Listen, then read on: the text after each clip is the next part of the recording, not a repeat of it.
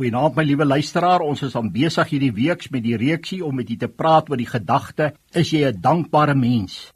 Ons uitgangspunt is Lukas 17 van die 10 malaatses wat Jesus aangeraak het en eenheid teruggekom en dankie kom sê. 'n Sekere boek wat ek lees, lees ek daarin dat dankbaarheid is daar 'n volle verband tussen 'n groter geluk.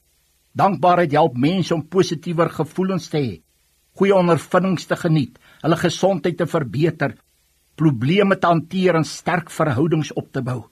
Jy het vanaand baie meer as biljoene mense op hierdie aarde. Ons durf nooit oor iets kla nie. Kom ek gee praktiese bewys van dit. Hoeveel maal het ek en jy nie al die evangelie gehoor nie? Hoeveel maal het jy nie al gehoor dat Jesus Christus vir jou gesterf het te betaal het met sy bloed, dat hy vanaand daar is om mense te kan red en hy kan ook vanaand vir jou red as jy nie is nie. Ja, hy is die verlosser. Het jy dit al besef? Was jy al daaroor dankbaar? Ja, God kom vanaand om te kom werk in ons lewens. En al wat hy soek, is dankbaarheid in ons harte.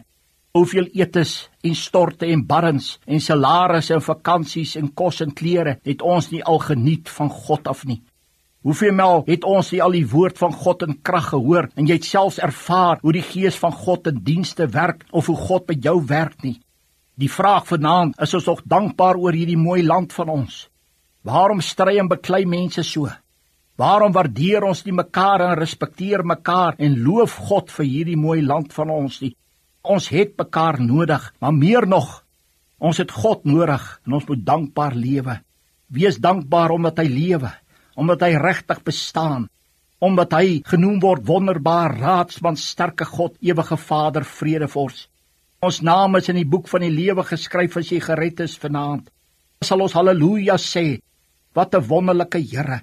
Kom ons kom op die plek om 'n dankbare lewe te lei en dit ook teenoor God te bewys. Kom ons bid saam. Here, baie dankie vir die kruis.